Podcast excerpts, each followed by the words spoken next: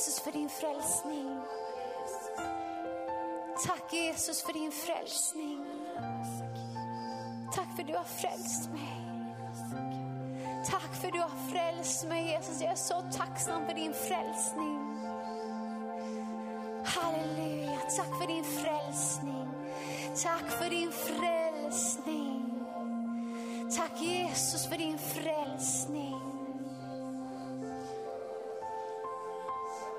Vi går in i dina portar med lovsång. Vi går in i dina gårdar med tacksamhet. Tack för att vi får komma nära dig. Tack för att var och en av oss i det här rummet är nära dig. Var och en som lyssnar är nära dig. Vi har gått in i dina portar med lov och tacksamhet.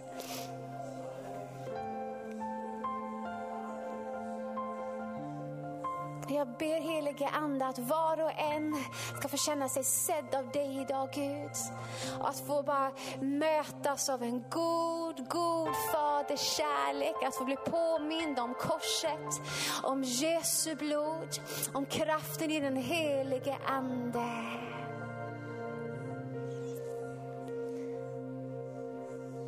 Jag ber helige Ande om din hjälp att rätt förkunna ordet på ett sätt som behagar dig Fader. För att din vilja ska ske mitt ibland oss här och nu idag. Mm. Amen. Amen. Och det var så underbart att få prisa Jesus med er alla idag. Jag, jag tänkte på det här att eh, ja, men det här, eh, ja, men här står fyra helt olika personer med olika gåvor. Och när de sam- ledde oss i lovsång, då blev det liksom någonting helt unikt och någonting helt härligt. Och det var så underbart, det smakade så gott och det var så ljuvligt. Tack så mycket eh, för att ni har lett oss i lovsång idag. Ehm, jag ska se här, jag ska testa någonting nytt.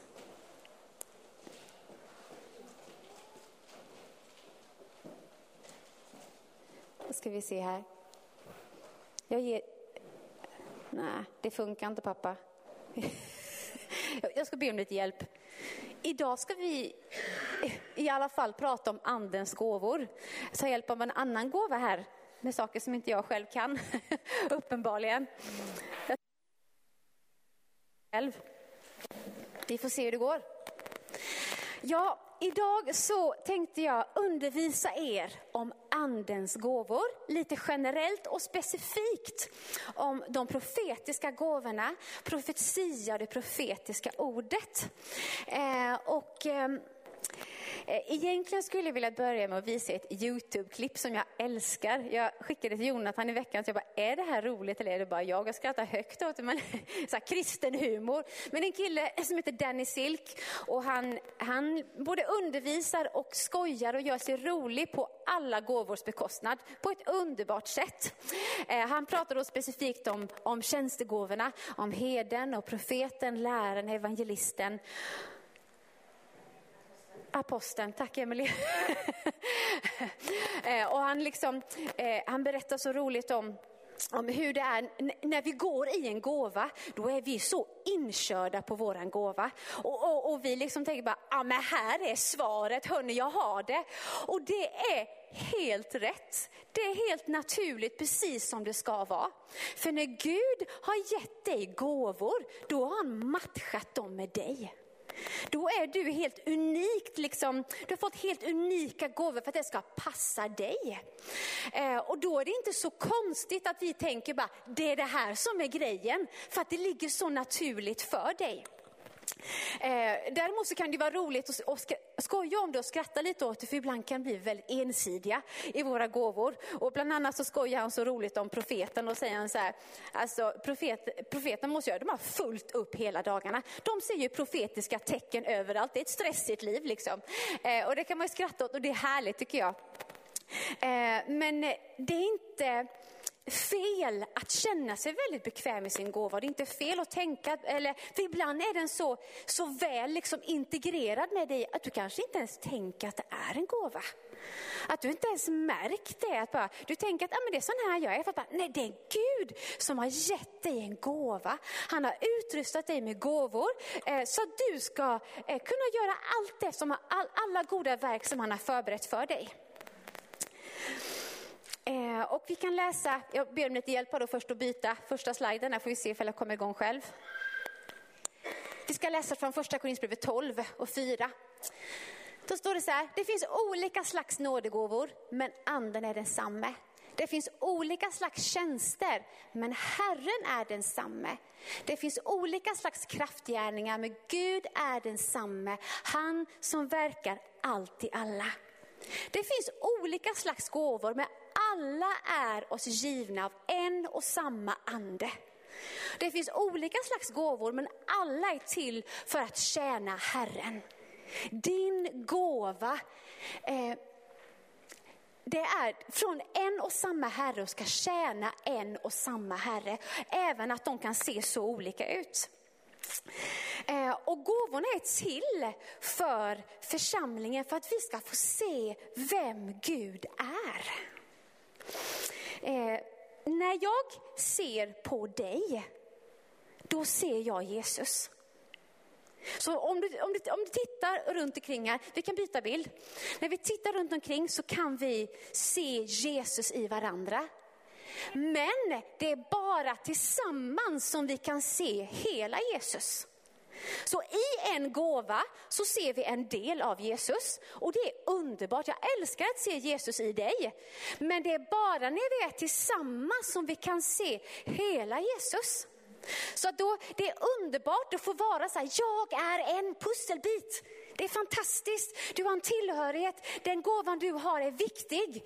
Men det är också fantastiskt när den här pusselbiten får läggas i det stora pusslet och vi ser den stora bilden. Det blir någonting helt magnifikt. Det blir en bild av vem Jesus är. Vi kan läsa från Efesierbrevet 3 och 18. Ni ska då tillsammans med alla de heliga kunna förstå bredden och längden och djupet och lära känna Kristi kärlek som går långt utöver vad någon kan förstå. Så ska ni bli helt uppfyllda av Guds fullhet. Det är underbart som är här idag då. Då hade vi fyra olika eh, eh, liksom, personer med olika gåvor och de visade oss en bild av vem Jesus är. Sen när, och när jag kom upp då, då var det lite mer av vem Jesus är. Och sen när vi ser alla gåvorna tillsammans, liksom lite mer, vi får en bredare bild av vem Gud är. Och det är underbart. Det är underbart att få vara del av den bilden. Eh, och så är det också med de profetiska gåvorna. De är också en bild av vem Gud är. Vi ska ta och läsa igen från eh, första Korinthierbrevet 12 och 14, så vi kan bläddra där. Det finns olika slags nådegåvor, men anden är densamma.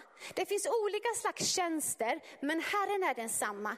Det finns olika slags kraftgärningar, men Gud är densamme. Han som verkar allt i alla. Vi ska pausa lite här då, för jag ska säga en till sak om gåvorna. Att då sa jag precis nyss att du är perfekt matchad med gåvor. Och det är sant. Eh, men sen kan det vara så här också att Eh, gåvorna, de är ju till för att de ska bli till nytta för någon annan, eller hur? Då kan det vara att du hamnar i en position där du behöver en ny gåva. Du kanske får en ny familjesituation, eller du kanske börjar på ett nytt jobb, du hamnar i en relation, eller Gud ger dig ett nytt uppdrag. Det här har jag förberett som ett verk som jag vill att du ska vandra i. Och då så säger den helige ande bara, oj, här behövs det en ny gåva. Och då i perioder kan det vara så här att du behöver eh, liksom mer gåvor. Och då ibland, då kan det ta emot lite. Kan man känna så här, nej men den gåvan gillar inte jag. Eller, nej, det känner jag mig inte bekväm med, jag vågar inte det. Men eh, då, tänk att vi ska vara lite öppna idag och bara, helige ande, har du alltså mer gåvor för mig än de jag har idag? Eh, har du mer gåvor som kan komma andra människor till nytta genom mitt liv? Då skulle jag vilja att du hjälper mig att komma ut i dem.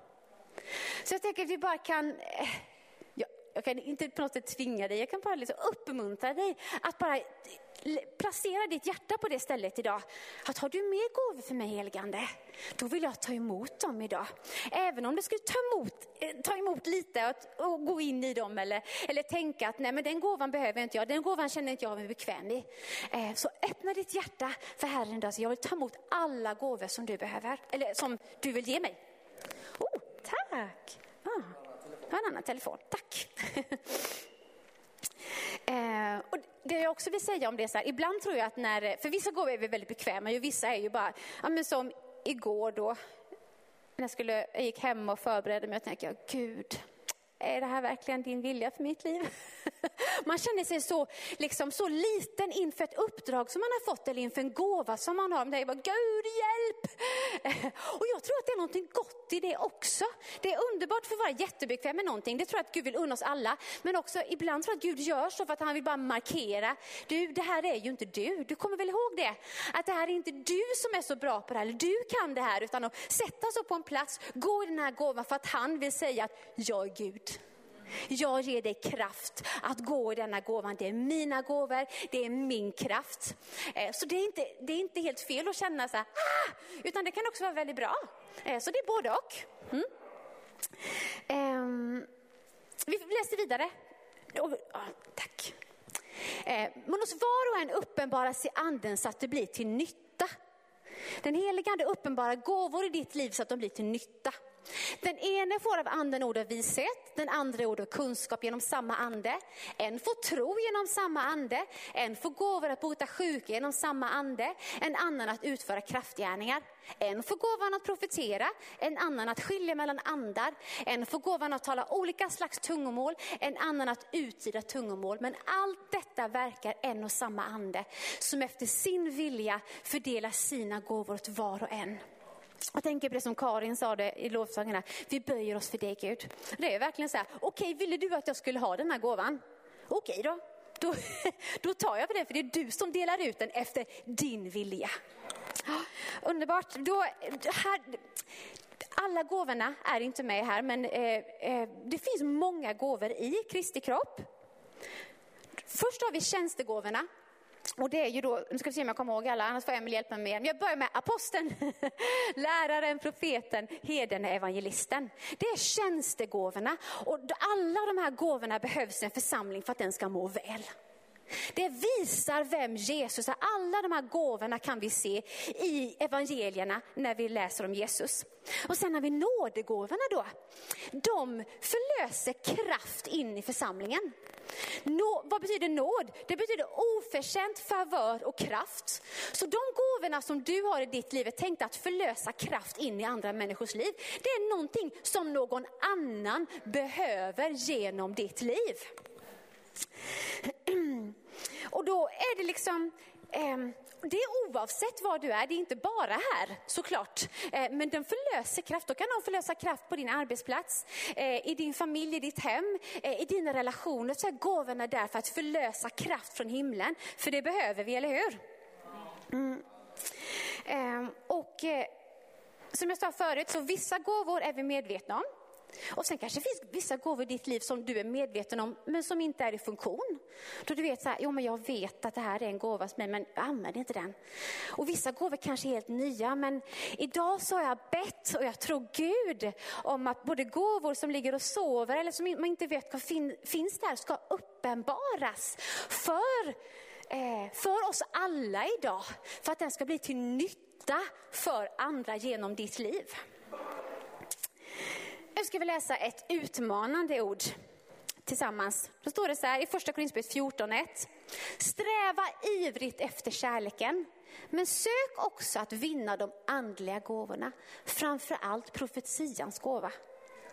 Kan man tänka så här, man kan nästan bli lite irriterad. Va, vad menar du?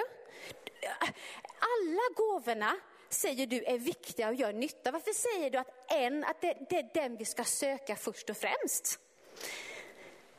Jag tror kanske att jag vet en, en anledning varför, eller två. Vi ska, jag ska ta upp det här. Vi ska läsa vidare, för här kommer en anledning på en gång. Då står det så här. Den som talar tungomål, talar, detta är fortsättningen alltså efter eh, vers 1 där. Den som talar tungomål talar inte till människor utan till Gud. Ingen förstår honom när han i sin ande talar hemligheter. Men den som profeterar talar till människor och ger dem uppbyggelse, uppmuntran och tröst. Den som talar tungomål uppbygger sig själv, men den som profeterar uppbygger församlingen. Jag önskar att ni alla ska tala tungomål, men hellre att ni ska profetera. Den som profeterar är för mer än den som talar tungomål, om inte denna uttyder sitt tal så att församlingen blir uppbyggd. Profetians gåva särställs från de andra gåvorna för att den uppbygger församlingen på ett speciellt sätt. Det står att den ger uppmuntran, tröst och uppbyggelse. Gud har skapat oss. Han vet vad vi behöver.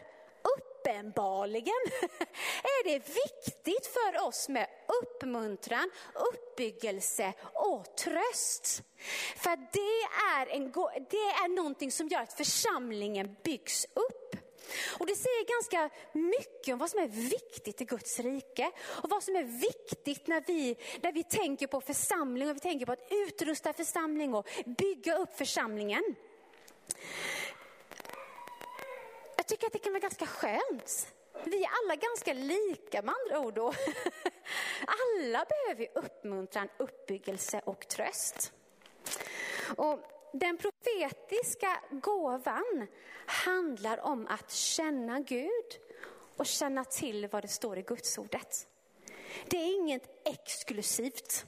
Det är ingenting liksom eh, speciellt för att, liksom som att du går på en trappa och när du kommer hit, då, då passar det för dig att få den profetiska gåvan. Nej, det är för alla på alla sätt i alla säsonger.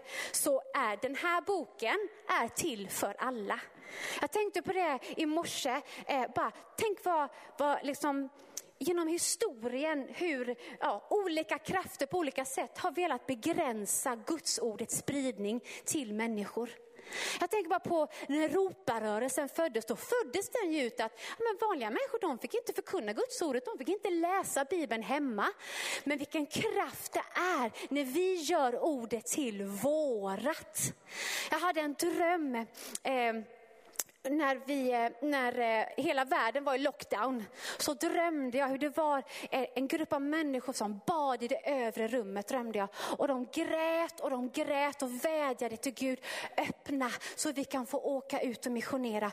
Öppna så vi kan få åka ut och förkunna Guds ordet. Det ligger i, det är vårat. Ordet är församlingens. Och det ska inte få begränsas. Så tänk inte så här, nej men den profetiska gåvan är inte för mig. Är gudsordet för dig? Då är den profetiska gåvan för dig. Eller hur? Amen. Eh, finns det någon slags skillnad mellan hur, liksom, du får känna Gud men du får inte känna Gud? Nej, det är ju inte så. Utan det står ju att eh, alla ska ni känna Herren. Eller hur? Amen. Så den profetiska gåvan är till för alla. Det är inte någonting eh, liksom, utan den är eh, för alla. Amen. Så exkludera inte dig själv för denna gåvan och tänk så här, nej men den är inte för mig. Gör inte det, för det är inte sant. Eh, och du och jag har alla ett ansvar att bygga upp församlingen. Och då ser vi i Gudsordet att den profetiska gåvan, den bygger upp församlingen. Så säger jag till församlingen, eh, både här och där, att då behöver vi dig. Då behöver vi den profetiska gåvan i dig för att du ska bygga upp den som står jämte dig. Eller den som du träffar imorgon, eller den som du träffar nästa år. Alltså oavsett när du möter människor, i vilken kontext det än är, så behövs den profetiska gåvan. Det behövs kraft in i Kristi kropp. Amen. Mm. Um.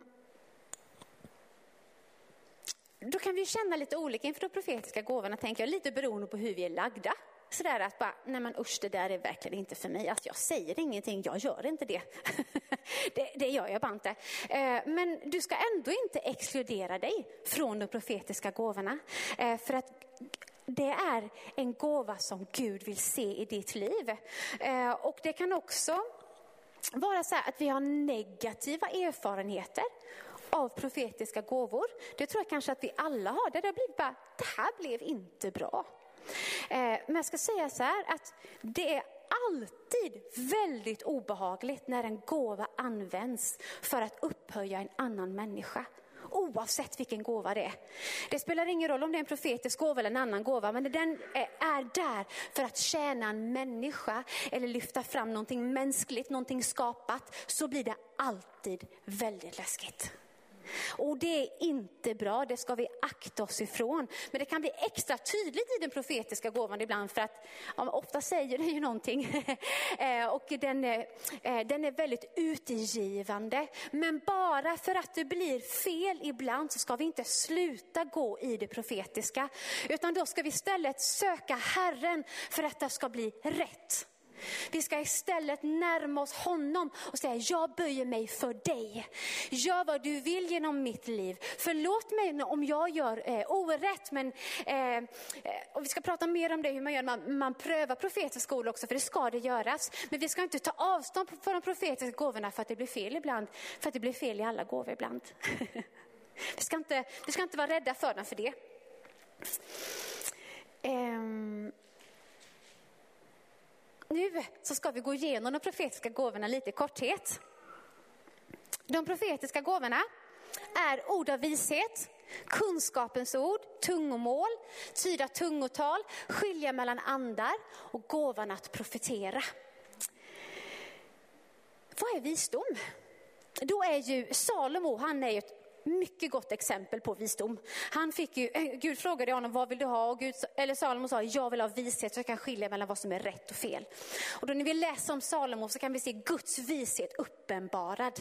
Och det kanske inte är som vi tror, liksom, men han, han fick ju verkligen framgång på alla punkter.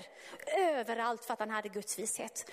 Eh, men eh, ett exempel på vishet, och ni känner ju till den här berättelsen, eh, de flesta av er säkert, men då medan Salomo var kung så kommer det två kvinnor till honom och de har med sig en bebis. Och så säger de så här, vi är två kvinnor, vi bor själva, ingen annan bor med oss. Och eh, eh, i natt Eh, vi, vi båda två har fått barn inom väldigt kort tid och i natt så dog ett av våra barn. Och så är de oense. De säger så här, det är min bebis. Nej, säger den andra, det är min bebis. Och då säger Salomo så här, för han har fått Guds vise, säger han så här, då gör vi så här, då delar vi bebisen mitt i tu. Eh, och så får ni en varsin del. Och den ena kvinnan bara, ja, ja, vi kör på det, det tar vi. Och den andra kvinnan ska, nej, gör inte barnet illa. Där uppenbarades Guds vishet, uppenbarades vad som var rätt. Och då visste han ju att uppenbarligen den kvinnan som ville dela bebisen i två delar inte var barnets mor. Det är Guds vishet. Eh, Guds vishet ger praktisk insikt i vad som ska göras, hur man löser en konflikt, hur man hanterar en specifik situation. Eh, och eh, då, kanske ni minns Fredrik eh, Bergqvist, han delade ju på församlingshelgen. Han fick vishet hur han skulle lösa en praktisk situation på sitt jobb. Jag tänker på det, eh, det har jag inte sagt förut till dig Hilda, men jag tänkte på dig när jag eh, förberedde för denna gåva. Hilda har, upplever jag har den här gåvan av vishet. Jag minns eh, när jag, och Jonathan skulle gifta oss, det var 15 år sedan nu. Men då var det väldigt olyckligt för min morfar låg för döden precis när vi skulle gifta oss och han dog eh, dagen innan. Och det var så här, hur ska jag göra nu, tänkte jag. Jag har ju verkligen sett fram emot detta. Jag vill ju gifta mig, det ska vara en glädjens dag. Och sen dog min morfar precis dagen innan. Och då, då sa Hilda så här till mig, så här ska du tänka och så här ska du göra. Sa Hilda då. Och jag bara, ja. Och var det, bara, så det kom en sån frid och sån ro över mig. Så då liksom kom ett ord av vishet genom en gåva som Hilda hade, som bara gav mig frid och gjorde att jag kunde vara glad när jag gifte mig, jag kunde glädjas den dagen och sen kunde jag sörja eh, sen. Och det var ett ord av vishet eh, som gjorde det. Och då ska vi se, jag ska läsa för er eh, om vishet från Jakobsbrevet 3, och vers 13. Är någon bland er vis och förståndig, då ska han visa sina gärningar genom ett klokt och vänligt uppträdande. Men bär ni på bitter avund och stridslystan i era hjärtan ska ni inte skryta och tala emot sanningen. En sådan vishet kommer inte ovanifrån utan är jordisk, oandlig, ja demonisk.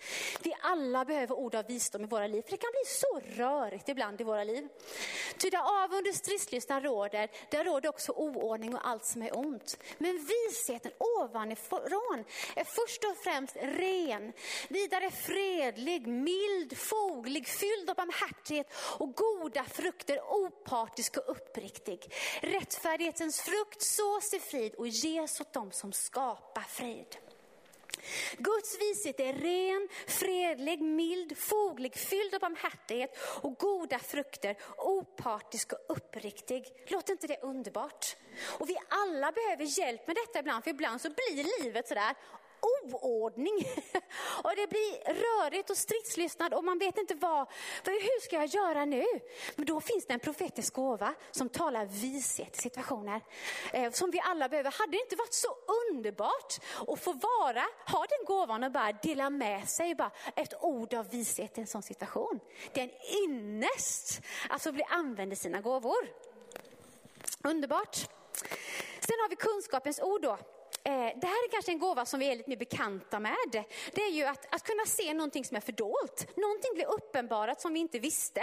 Det kan ha att göra med att du kanske så har, har det så här i ditt liv just nu, eller du kanske har ont någonstans, eller man, man förnimmer någonting genom en, en, en stilla röst på insidan. Eller, eh, en gång så var jag med om att Eh, ja, men jag var i en bönesamling och det var bara härligt, så här, vi var ett gäng med bedjare och sen så kände jag bara, alltså jag fick så ont i ryggen. Alltså ingenstans, jag bara, fy vad konstigt. Jag hade ju inte ont i ryggen alldeles nyss. Så jag tänkte, ande, vill du säga någonting? Och då upplevde jag att jag fick ett kunskapens ord. Jag kände kunskapens ord i min kropp. Så här, jag, jag, är det någon här som har ont i ryggen? Här vid? Och bara, så var det en tjej, jag har ont i ryggen precis där, sa hon. Och så fick jag be för henne och så blev hon botad. Det är också kunskapens ord. Ja, det är en underbar gåva och den ser jag aktiv i vår församling. Den ser jag och den märker jag av och det är underbart. Sen när vi går av tungomål då. Det här är en, en kraftmanifestation. När Rål var här hos oss, det här hade eh, mötet där inför att dela ut biblar. Då profeterade han, men han också talade i tungomål. Eh, den, det klippet finns på Youtube ni kollar på det. är väldigt festligt, för det är verkligen någonting som man inte riktigt fattar. Men han började tala swahili när han talade tungomål innan han började profetera. Och då var Amos här och han kan ju swahili. Och då hörde man så här hur Amos bara ha, ha, ha, han började skratta. Så han blev så, man blir ju så glad när Guds ande kommer. Eh, men det är eh, tungomål. Och vad är det då? Ja, men det är bara den, den Gud som vill säga, bara, det är jag. Det här är ju omöjligt att bara tala vilket språk som helst. Så det är en kraftmanifestation som blir till, till uppmuntran. Amen. Så Gud bekräftar sitt ord. Mm, uttyda tungotal. Eh, det är också en profetisk gåva och jag tror att det är en gåva som är mycket mer aktiv än vad vi tror. Jag kan eh, märka det nästan i varenda gång vi samlas. Alltså någon talar någonting i tungor och sen är det någon som säger någonting. Den liksom eh, flödar på ganska, ganska fritt oss emellan. Jag tänker att vi bara gör väl i att kanske reflektera över den så vi märker det. För då i lovsången, någon talar i tungor, sen är det någon som säger någonting. Eller jag hör någon i, i församlingen talar tungor och så hör jag någon be någonting annat högt. Då är det någon som har fått ett tungotal som någon sen uttyder. Och jag ser det jättemycket på tisdagsbönen. Men jag tänker att vi kan börja tänka på det. Så, för då är det ju Guds ande som verkar. Då blir det, åh, Gud säger någonting här. Det är ju jättekul att få vara bara med i det som han gör. Så tänk på det när vi samlas. Ja, Jo, men Guds ande är här, han uppenbarar sina gåvor till uppmuntran, till tröst och uppbyggelse för församlingen. Ehm, och eh, vad gör den för nytta då? Jo, men då är det lite så här, eh, som det står i första Korinthierbrevet 2.12 står det. Men vi har inte fått världens ande, utan den ande som är från Gud. För att vi ska veta vad vi har fått av Gud. Detta förkunnar vi också, inte med ord som mänsklig visdom lär, utan med ord som anden lär, när vi återger andliga ting med andliga ord.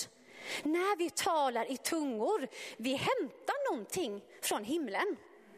Vi, hämtar, vi talar med vår Gud i himlen och han liksom laddar ner hemligheter i oss. Han förmedlar någonting himmelskt, något av Guds rike. Så när vi talar ut det så blir det, då blir det förlöst. Och sen kan någon annan tolka, vad var det det var? Vad var det för hemlighet som Gud laddade ner, som jag tog emot? Ja, då kanske Rickard får den uttydningen sen och kan förkunna det. Så det är väldigt kul väldigt kul grej. Att kunna liksom tolka den helige ande. Vilken ära att vara den gåvan och så bara, jag är tolk åt den helige ande. Jättekul, vilket ärofyllt uppdrag. Mm, yes, skilja mellan andar för den, eh, är också en profetisk gåva. Eh, och vad är det för gåva? Alla som har tagit emot Jesus som sin Herre har fått en helig ande och blivit ett tempel för den helige ande. Det står att den helige ande är sanningens ande, vilket innebär att alla som är troende kan urskilja. Och man kan, att kan man urskilja vad som är sant och vad som är lögn. Det är att, att skilja mellan andar, så alla har den i sig för att vi har den helige ande i oss. eh, och det, man kan enkelt säga så här, Ja, men två personer kan säga precis samma sak men har helt olika motiv bakom och det märks. Om man tar ett väldigt e-, enkelt exempel som inte har någonting kanske med profetia att göra. Någon som frågar så här, är du sur? Nej, jag är inte sur. Eller, nej, jag är inte sur. det är lite att, att, att saker och ting kan komma på olika sätt, i olika ande, med olika motiv. Och gåvan att skilja mellan andar har speciellt den, är väldigt känslig för den typen av, av, av fenomen eller grej. Och det gör vi ju alla. Och det kan man ju märka ibland själv. Speciellt om man har sagt någonting det där blev inte så bra. Då kände man själv att det där var köttet eller jag vet inte vad det var. Men, men, och det är den gåva som skiljer. Då, eh, som ett, ehm, ja, men mellan märg och ben och själ och ande. Eh, och att skilja mellan andar kan också göra att en person kan se in i det andliga. Att man kan se det andliga klimatet eh, på ett annat sätt kanske. Och också att man eh ehm, Ja, men att man, kan, man, man, är väldigt snabb på att snappa upp när den helige ande börjar röra sig i rummet. Eh, och att man liksom bara, där är den helige ande. Ja, ja, ja, ja, jag ser det där, vi går, vi går däråt. Det är gåvan att skilja mellan andar. Eh, och det är en ganska dold gåva som kanske först och främst är i det fördolda i förbön. Där den helige ande uppenbarar någonting. Ser du det här? Ja, ja jag ser. Ja, då, då ska, vill jag att du ska be det. Ibland så yttrar den sig i, i, för stor, i stora eh, församlingen, men det är en, en, ganska mycket en dold gåva eh, för förbedjare. Eh, väldigt spännande. Jag upplever själv att jag har den gåvan. Och det är på något sätt det navet i mitt böneliv. Eh, av att liksom samtala med en helig ande, ha en uppenbara saker eh, som jag sen får be. Eh, tycker själv att det är väldigt roligt. väldigt spännande. Är du sugen på en spännande gåva? Be om den. Mm? Eh, ja, och då används ju den för att säga rätt sak i rätt tid den gåvan. Det är kanske så den blir till tröst, uppmuntran, uppbyggelse. Att man kanske bara, den heliga bara, nu är det dags. Säg det, säg det, nu säger jag det. Ja. Så, det ja, så är den gåvan. Sen då, gåvan att profetera. Eh, eller profetisk klarsyn, som det står i kärnbibeln.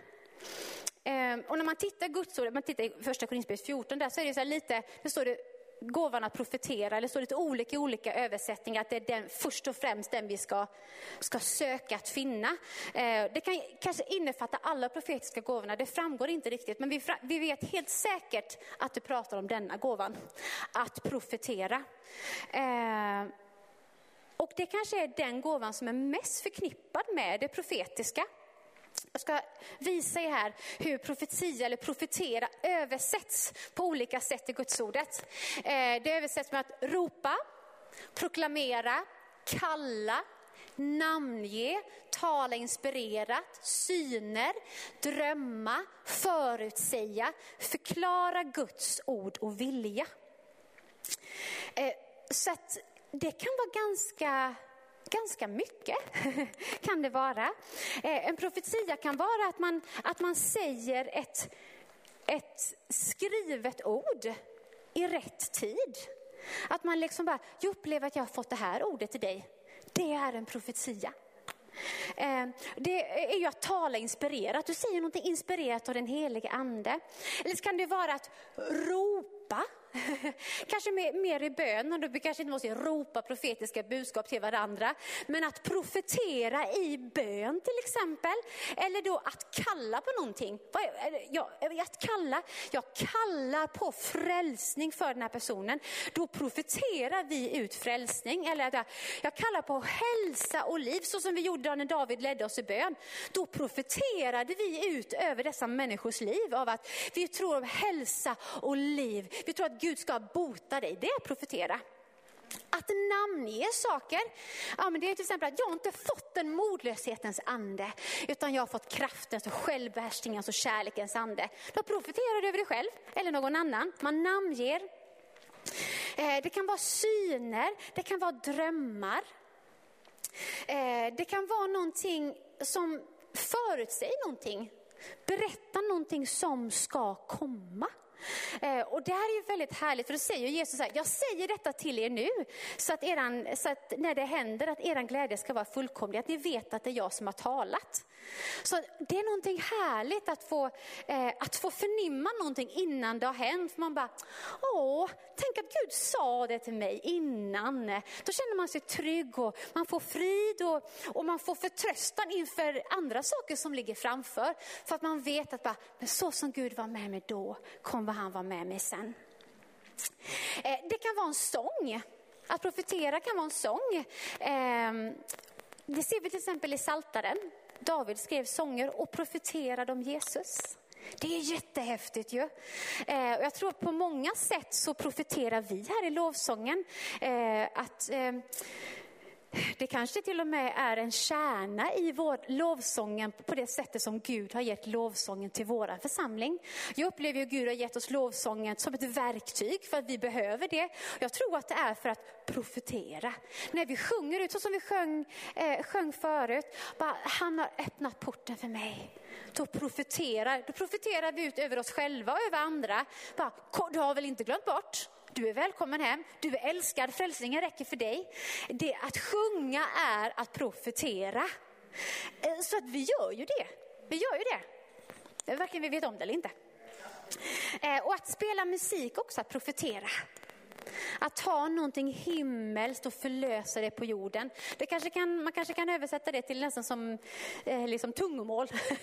Det är någonting som, som talar förbi huvudet, liksom med musiken, hur, bara, hur det kan beröra vårt inre. Vi bara vet att det är Guds ande i den här melodislingan.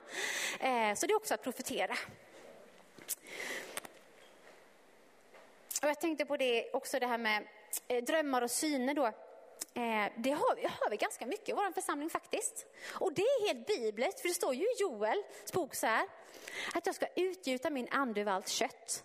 Era söner och era döttrar ska profetera, era gamla män ska ha drömmar och era unga män ska se syner. Det är någonting helt naturligt i Guds rike och som är en följd av att den helige ande är här. Yes, så där har vi dem. Eh, ska vi se. Jag skulle borde ha dubbletter. Jag skyndar mig. De profetiska gåvorna. Ord av vishet, kunskapens ord, tungomål, tyda tungotal, skilja mellan andar och gåvorna profetera. Fråga den helige ande bara, har jag någon av de här? Förmodligen så har du det. Du kanske inte bara tänker på det. Eh, men fråga den helige ande eh, och fråga, är det någon gåva som jag skulle behöva för att göra nytta på ett sätt som jag kanske inte hade tänkt på? Mm. Amen. Nu bläddrar vi fram lite snabbt igen här då. För nu ska vi prata om att pröva profetiska ord. Ehm, och det första jag vill säga där, för det är väldigt tydligt i Bibeln att vi ska pröva. Och det första jag vill säga är att när vi prövar ett profetiskt ord, då är det inte en människa vi prövar. För det kan man ju känna ibland så här, ja men nu mm, så tar jag ett steg eh, kanske och, och ber för någon annan här efter mötet. Och det, det är ju jag som har fått ett ord och jag förmedlar det. Och sen så kanske inte det riktigt tas emot då, men då är det inte du som inte blir emottagen. Det är inte du som blir prövad, utan det är ordet som prövas. Och det är någonting som vi behöver göra, pröva Gudsordet. Eh, för att vi är alla tempel för den helige ande. Det är bara att vi glömmer bort det lite ibland. Då och då glömmer vi bort det. Och då kan det bli någonting som ja, det blir tokigt på något sätt ibland. Och det är inte hela världen faktiskt, om man säger så. Jag, jag, alltså, det här är min önskan, att vi ska vara en, en, en öppen gemenskap där man får pröva.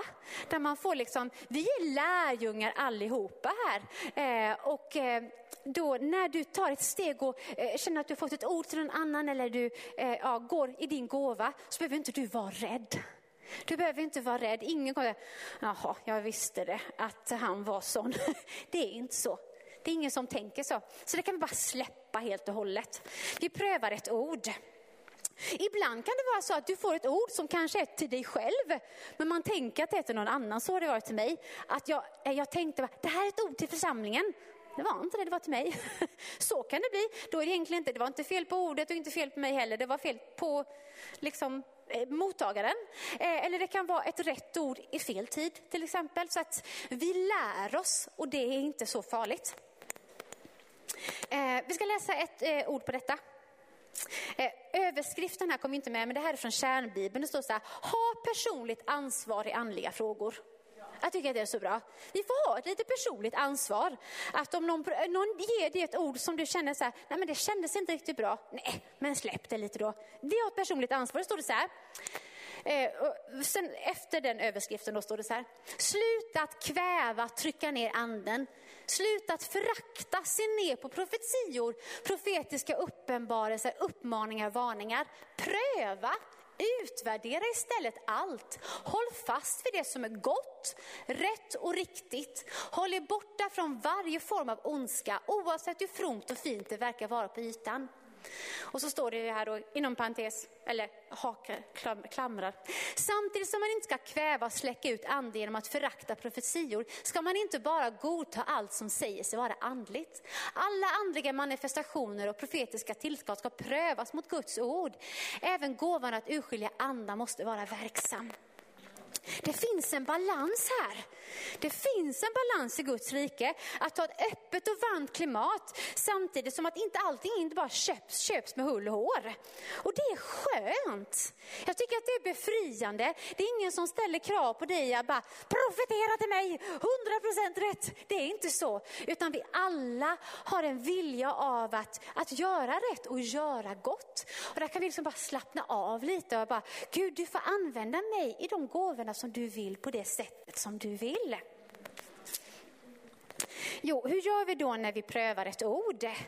Och då står det ju här i, i, i första test att ja, men vi behöver skilja mellan andar. Och det var lite det som jag sa förut då. Är du sur? Ja, det är likadant också så här. Eh, jag, jag, tänkte på en gång när det var någon som sa till mig så här då, bara lite i, i förbifarten här i, efter ett möte, sa han så här, oh, Gud han ser dig. Och jag blev så berörd av Gud. Jag bara, och jag grät liksom. Och sen kan man ju säga så här, du, Gud ser dig. Det är inte säkert att det får samma effekt. Och där kan vi liksom lära oss då att känna igen anden bakom ett ord. Och då kan man ju tänka så här, eh, men, eh, tänka tillbaka på hur det har varit när man kanske har, när man då, man, det här kände jag verkligen, här talade Gud till mig. Ja, men hur, hur, vad kom det med för, för upplevelse? Hur kände det? Vilken frukt bar det ordet i ditt liv? Och så får man lära sig då eh, att Ja, men att jag tror inte att någon kommer säga så här, Gud se dig. Men det kan, ibland kan det ju vara lite snårigt eller, eller man, liksom, eh, det kanske blir, eh, man hamnar i någon slags dilemma. Men att då så får du bara så här, helige ande jag tackar dig för att du lär mig att urskilja vad som är vad. Eh, och så kommer han att tala till dig. Och då kommer han att leda dig med sin frid och med sin glädje. Eh, och ibland kan man bara behöva låta det ta lite tid. Eh, man, man, får ett ord eller man eh, upplever någonting, även om man, liksom, man får en dröm eller vad som helst. Och så känner man så här, nej, efter ett par dagar eller en vecka, nej men det var nog faktiskt inte Gud, utan nej. Och så kan man bara lämna det, det går bra. Ehm, och sen behöver man pröva så att det är i enlighet med Guds ordet. Om det talar emot vad Guds ord säger. Om någon som säger så här, du, jag ser, ser så här att du inte håller måttet här. Du behöver göra de här, de här sakerna för att det ska bli så som Gud har sagt. Och kanske släppa det ordet på en gång. För det stämmer inte med Guds ordet. Så då är det bra om vi känner till vad det står här i när vi ska pröva profetiska ord. För det blir en hjälp för oss när vi ska göra det. Sen så kan vi testa det i bön. Hur gör man då? Jo, då brukar jag, det kan säkert finnas olika sätt, men då brukar jag säga heligande, för så gör jag, för jag får en del drömmar.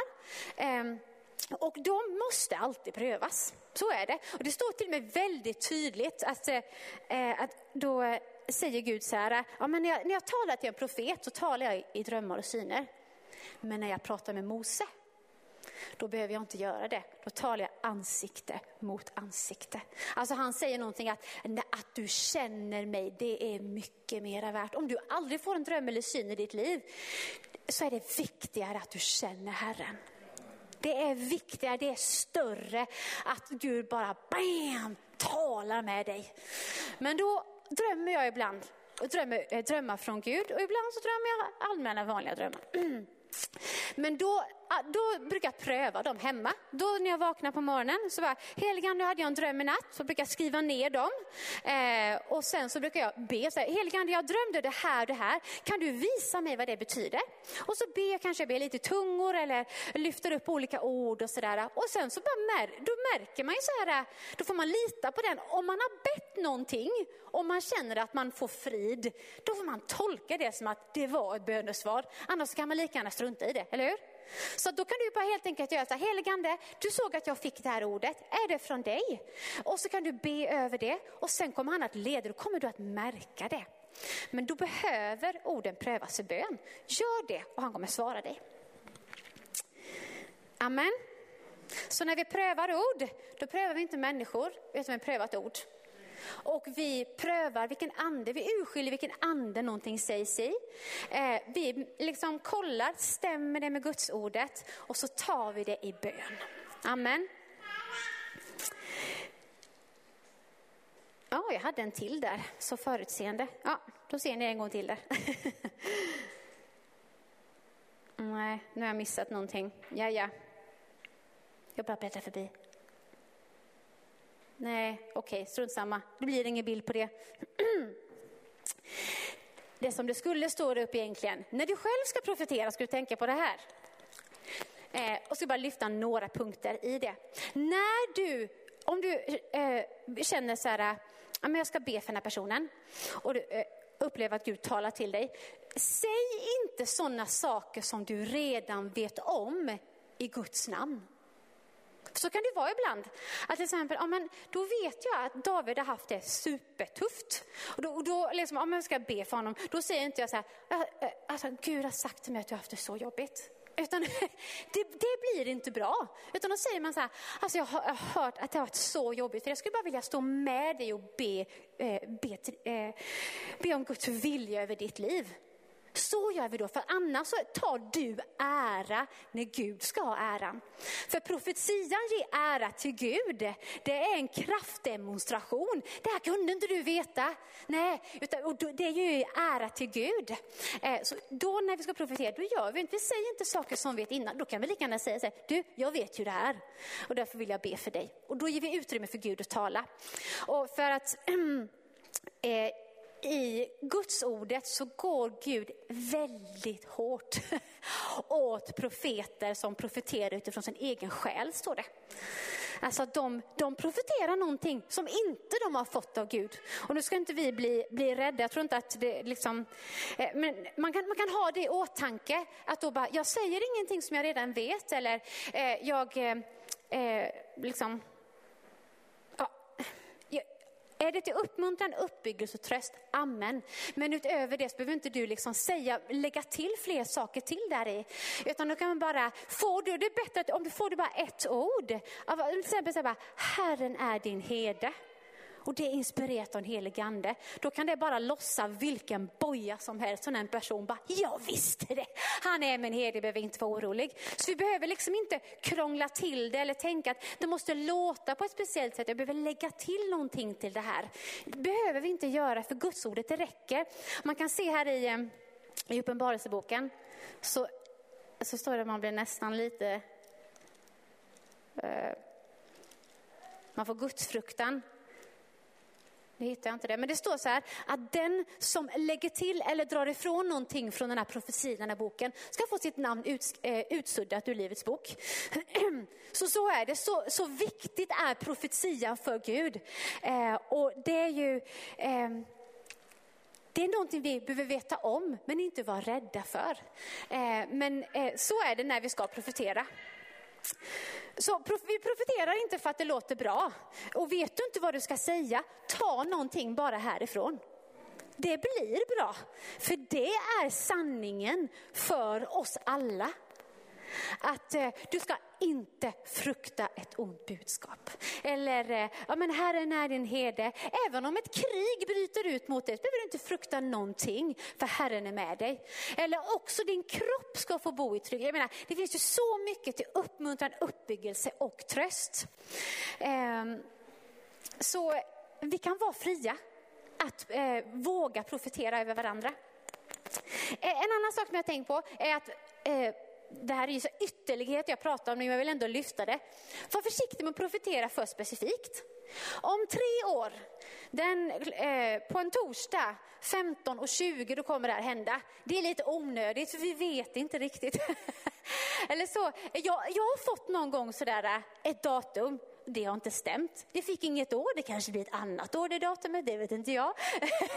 Men liksom, det är inte det som är själva grejen, att vi ska få reda på exakt när någonting ska hända. Men att, för vi vet inte allt och vi ser inte allt. Han vet och han ser allt. Men då kan vi säga så här, du Gud har ett genombrott framför ditt liv. Måste inte vi veta om det är denna onsdagen eller onsdagen om två år? Vi vet att, det, att Gud kommer. Liksom.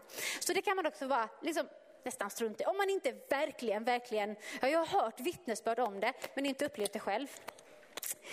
Ehm, och nu ska jag säga då en sak som, om du bara ska komma ihåg detta idag, så kom ihåg det jag säger nu.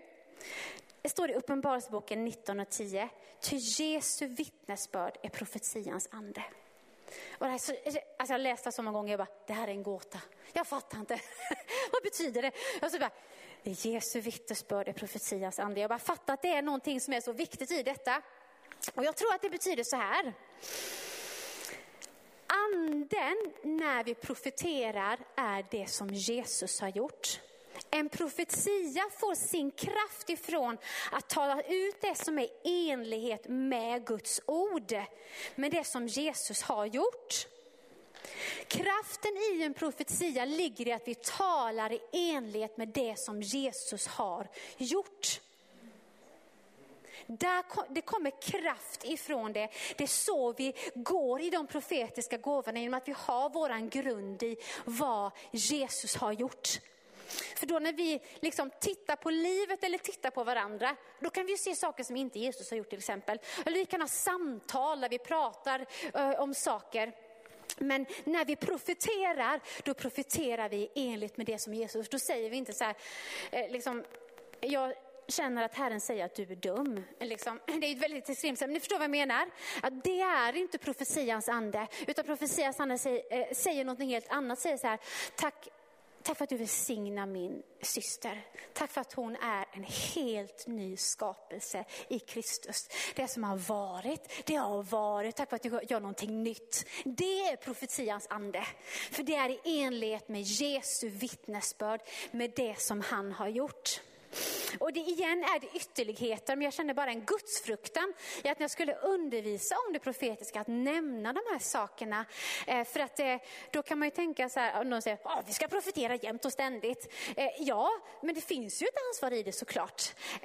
Men, men mer än att det finns ett ansvar ska vi veta att Guds ande bor i oss. Amen. Nästa punkt då, du behöver ett profetiskt ord. Du behöver profetiska ord. Varför? Alla behöver uppmuntran, tröst och uppbyggelse. Ett profetiskt ord är kraft och ett profetiskt ord ger dig kraft. Eh, det vi har ju redan behandlat det här med uppmuntran, tröst och uppbyggelse. Uppenbarligen är det någonting väldigt essentiellt för oss människor. Eh, och låt oss ge det till varandra. Men sen är det också ett profetiskt ord är kraft. Varför? För det kommer av detta ordet. Och Guds ord är levande och verksamt. Jag ska bara läsa några ord på detta. Står det så här. Ett är från femte Mosebok 32. Här är det precis de profeterat i församlingen. står det så här. Och när Mose hade talat alla dessa ord till hela Israel sa han till dem. Lägg på hjärtat alla de ord som jag idag gör till vittne mot er. Så att ni befaller era barn att hålla fast vid och följa alla ord i denna lag. Ty detta är inte ett tomt ord för er. Det gäller ert liv. Genom detta ord ska ni få ett långt liv i det land dit du nu går över Jordan för att ta det i besittning. Här kommer det liv genom ett ord. Det ordet, I det här ordet som är uttalat, då finns det liv och kraft för Israels folk. Ett annat ord på samma tema, Jesaja 55. Liksom regnet och snön faller från himlen och inte återvänder förrän det har vattnat jorden och gjort den fruktbar och ger säd till att så och bröd till att äta.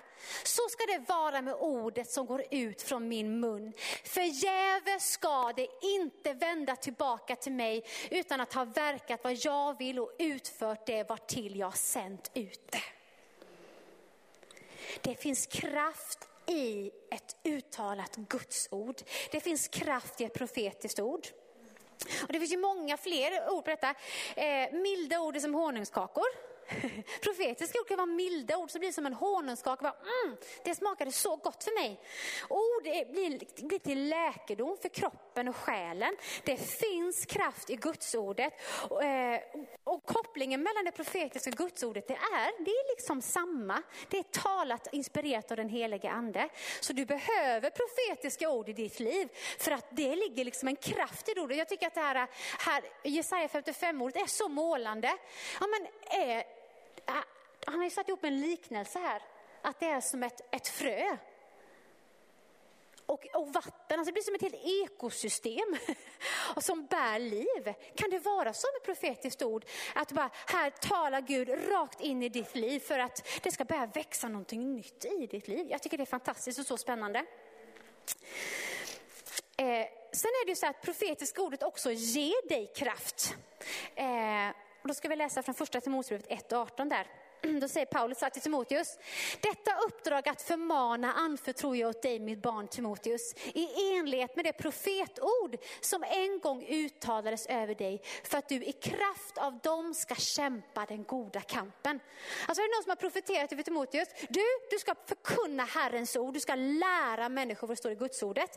Och då säger eh, Paulus, där, han vet ju det själv, att det är inte alltid happy clappy, eh, det kan vara jättetufft. Men då, säger han, här, då får du hämta kraft i det profetordet profetord som, eh, som har talats ut över dig. Då behöver du och jag profetord över våra liv, över våra familjer, över församlingen, över detta landet för att vi behöver kraft. Då kan vi gå tillbaka och bara, men tack Gud för att du har sagt det här. Och så får vi hämta kraft ifrån det ordet. Så du behöver profetiska ord i ditt liv. Amen. Du behöver ord att stå på. Yes ska vi se. Vi ska läsa ett till ord på det. Från andra Petrusbrevet 2.19. Så mycket fastare står nu det profetiska ordet för oss. Och ni gör rätt i att hålla er till det som till ett ljus som lyser på en mörk plats. Tills dagen gryr och morgonstjärnan går upp i era hjärtan. Framförallt ska ni veta att ingen profetia i skriften har kommit till genom egen utläggning. Ty ingen profetia burits fram genom någon människas vilja, utan ledd av den helige ande har människor talat vad de har fått av Gud. Ett profetiskt ord kan vara som ett ljus i mörkret för dig. När du går genom mörka perioder, då, kan, då behöver vi Guds ord till tröst och uppmuntrande uppbyggelse som vi kan bära med oss tills vi har gått igenom hela den dalen. Så vi behöver profetiska ord. Och sen inser jag att den andra delen där handlar såklart om Guds ordet, men det ger också att liksom, ja men alla profetier i denna boken, de är utandade. Vi vet att alla profetier här i, att de är utandade av Guds ande. Men det är själva liksom källan till profetier, de profetiska gåvorna, att de är inspirerade av den helige ande. Inte påhittade av människor. Mm. Yes, snart är vi klara. Jag tänkte bara nämna några nycklar till att komma ut i sina gåvor eh, och sen också bara vad jag tror att det innebär för oss som församling Guds kraft. Men vi börjar med nycklarna. Gå i gåvorna. Eh, då säger ju Korinthierbrevet det att vi ska söka gåvorna. Eh, och det kan betyda då att men vissa gåvor har vi bara och vissa gåvor behöver vi söka. Ehm, och då ser vi principen eh, i Bibeln av att eh, be så ska du få, sök ska du finna, bulta och dörren ska öppnas för dig. Där har du lite, men hur gör man när man söker gåvorna? Och du ber om dem. Du söker dem. Du kanske till och med testar dem. Jag vet inte om det är det som är bulta kanske. Nu vill jag. Du har sagt Gud att jag, att jag ska ha den här gåvan. Nu går jag ut i, ut i den. Det är inte så jättesvårt. Eh, liksom, eller sådär, åh, behövs något speciellt liksom. Utan då bara, Gud, jag tror att du vill att jag ska gå i den här gåvan. Så nu ber jag dig att du ger mig den här gåvan. Nu tror jag att jag får ta emot den och sen vågar jag börja praktisera. Eh, så är en nyckel. Eh, mm, det här är en helt annan predikan, men eh, jag har skrivit här, sträva ivrigt efter kärleken. Och jag tänkte säga det kort så här. Eh, alla gåvor är till nytta, inte för dig, utan för någon annan. Så det innebär så här att ju mer du dör bort ifrån dig själv, ju mer du liksom, liksom för det har vi ju alla i oss, man bara, jag vill upphöja mig själv. Ju mer det dör, dina, dina själviska begär, dina egoistiska motiv, desto mer starkare kommer dina gåvor att bli. För då vet Gud så här, här kan jag vrida upp volymen. Jag kan anförtro dig mer. Och det är ju där i kärleken är ju att ha dött bort från sig själv. För det finns inget som söker mitt eget bästa i kärleken. Så när du tänker så här, jag vill verkligen gå ut med i gåvorna. Alltså börja öva din kärlek. För då ser Gud så här, oh, här, här, här, händer någonting. Här, och hon eller han, han vill gå i kärlek. Jag söker inte mitt eget bästa, jag hävdar inte min egen rätt. Eh, jag söker inte, eh, jag söker min andras bästa, jag vill ödmjuka mig inför någon annan. Att, att gå i kärlek, där kommer dina gåvor att växa. För det älskar Gud. För då kommer gåvan till nytta i kärleken. Eh, och tredje punkten är utsätt dig för nya situationer. Kanske eh, ser du ingen ny gåva för du kanske har stått kvar på samma plats jättelänge. och då kanske Gud utmanar dig bara, om du tar ett kliv däråt, då kommer du behöva en ny gåva. Och då bara, oh wow, kolla här. Så då kan det också vara, utsätt dig för någonting nytt, utsätt dig för en ny situation. Där du inte kan lita på dig själv, utan bara, nu måste jag förlita mig till Herrens kraft här. Eh, det kan vara en liten challenge. Det kan bli roligt på många sätt. Eh, bara, Heligande, är det någonstans du vill att jag ska gå? Är det någon ny gåva som du tror att jag behöver? Eh, så eh, det är också en nyckel till att komma ut i gåvorna, röra sig på nya områden. Kan vi tänka ibland så här, att men,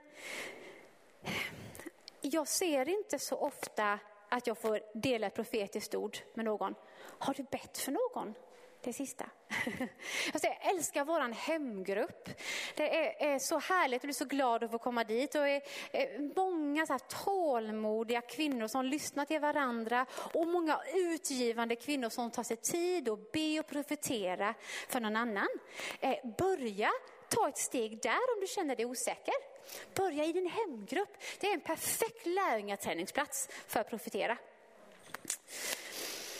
Yes, nu ska vi gå ner för landning. Jag ska visa dig eh, en till bild. Jag ska bara dela lite vad jag tror att detta betyder för oss som församling Guds kraft. Ehm, jag tror att eh, profetians gåva aktivt innebär en fördjupad församlingsgemenskap.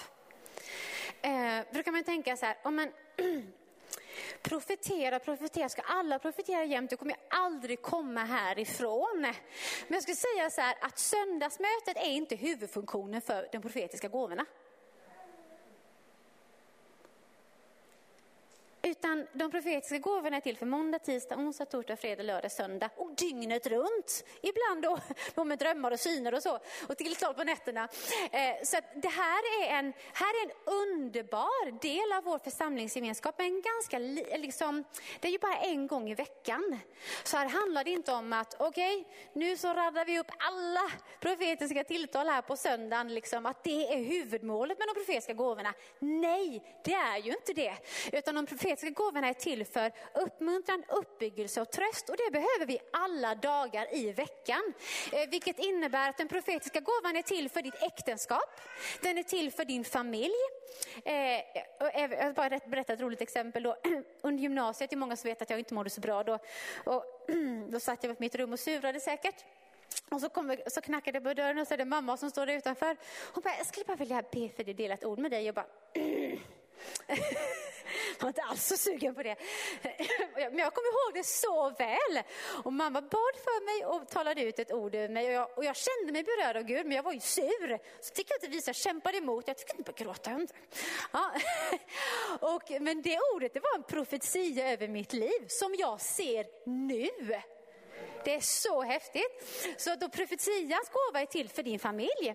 Eh, det är också till för din hemgrupp. Det är till för din arbetsplats. För när du profeterar, då är det ju inte att du måste säga så här, så säger Herren.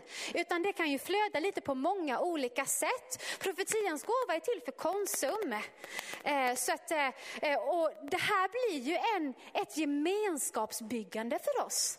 Att liksom, ja men att jag får ge alla dagar i veckan till min församlingsgemenskap och jag får ta emot av min församlingsgemenskap uppmuntran, uppbyggelse och tröst. Så det innebär en fördjupad församlingsgemenskap. Sen eh, så tror jag att det här är för en tid som denna. Eh, och då vill jag bara eh, ta upp igen kort, men det här är någonting som verkligen brinner i mitt hjärta. Eh, jag har ju eh, undervisat om detta förut. Men eh, jag vill bara kort nämna det igen. Det är Uppenbarelseboken 12. Och där står det om en himmelsk strid. Eh, det står hur Guds änglar strider mot draken och hur det blir en sån seger. Hur draken kastas ner från sin tron och Guds rike har nu kommit. Och då står det så här eh, i vers 10. Och jag hörde en stark röst i himmelen säga, nu har frälsningen och makten och riket blivit Guds och väldet och hans moders. Ty våra bröders åklagare har blivit nedkastad, han som dag och natt anklagade dem inför vår Gud. Åklagaren han profeterar ut mot frälsningen. Han har en tunga som talar emot Jesu vittnesbörd, det åklagaren gör. Då säger han så här, du, det räcker inte för ditt liv. Ja, all, ja, vi kan inte, ja, det är alla, men ni, ni vet ju hur det kan låta. Men då står det att Guds folk övervann honom genom lammets blod, genom sitt vittnesbörds ord. De älskade inte sitt liv så högt att de drog sig undan döden. Det här är en slutstrid som vi ser innan riket blir fullt utbrett, innan kungen kommer och intar sin plats i riket. Och här behöver vi då, här står det, de övervann honom genom sitt vittnesbördsord. Det var att de profeterade det som anden sa. Det här, här, är det här ordet vittnesbörd är samma ord som används när de pratar om den helige ande, hur han är vår försvarsadvokat, hur han ska påminna oss om allt vad Jesus har sagt. Du behöver bli bekväm i att profetera. För att det här kommer vara en, slu, en, en del av det som händer innan Jesus kommer tillbaka. Och därför behöver vi bara, helige ande, kan du påminna mig igen? Ja, och då när han påminner, då använder du din mun och så profeterar du över ditt liv, över din familj, du profeterar över församlingen.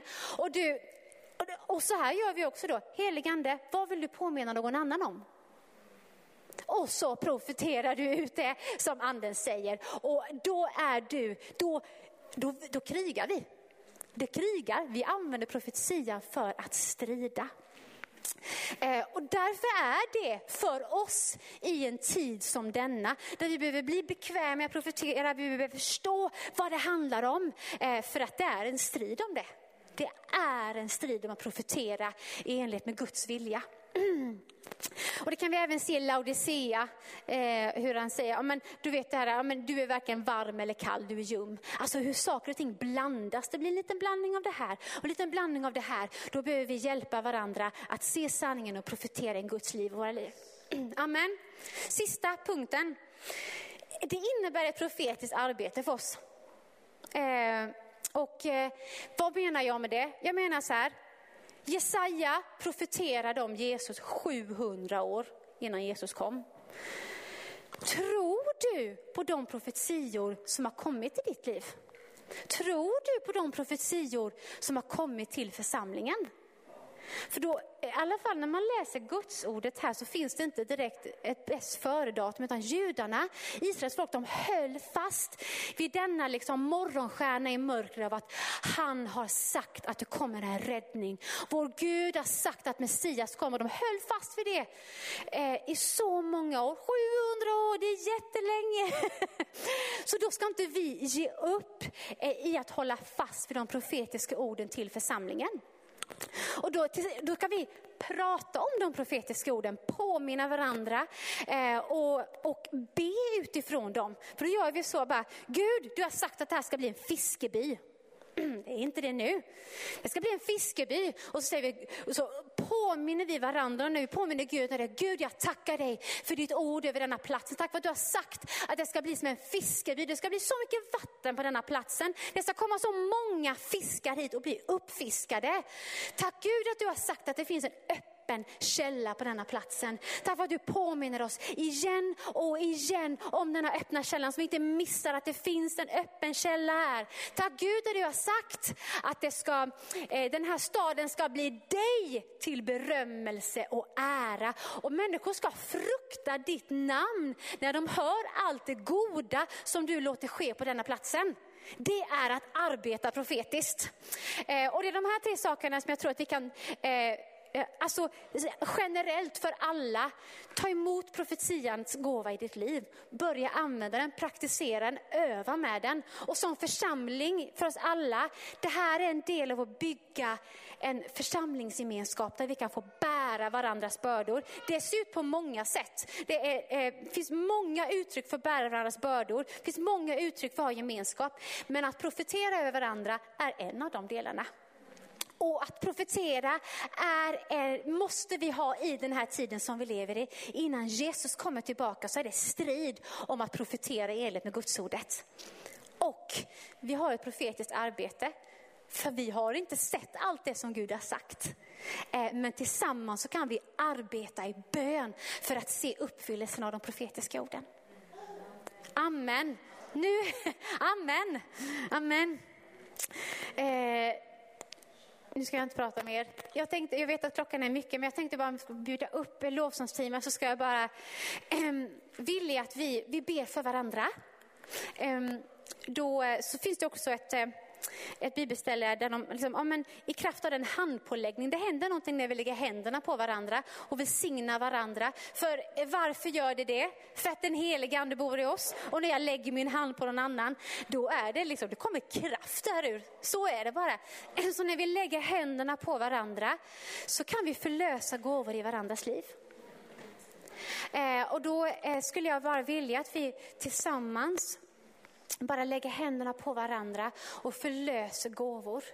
In, eh, liksom de profetiska gåvorna i församlingen. Amen. Eh, så eh, eh vi, vi sjunger en sång först. och så, eh, så bara kan vi bara stilla oss inför, inför Gud och bara, nu, nu är jag inför ditt ansikte. Eh, och jag börjar bli lite hungrig, men jag stannar ändå kvar. Så jag var hungrig tio i tio. Jag stannar ändå kvar här och jag ber att du skulle uppenbara för mig, visa mig vilka gåvor jag har, visa mig vilka gåvor min granne har. Ska vi hjälpa varandra och be för varandra? Ehm, och så bara eh, sjunger vi först Jesus.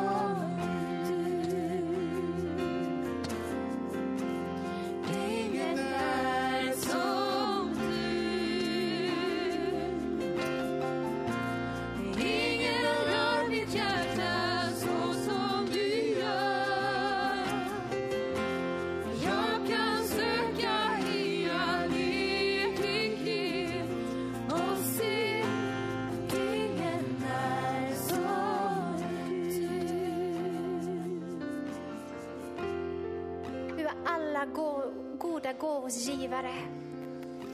Jag tackar dig för att du har lagt i var och en har du placerat gåvor. Och du har också nya gåvor för nya tider, nya gåvor för nya säsonger.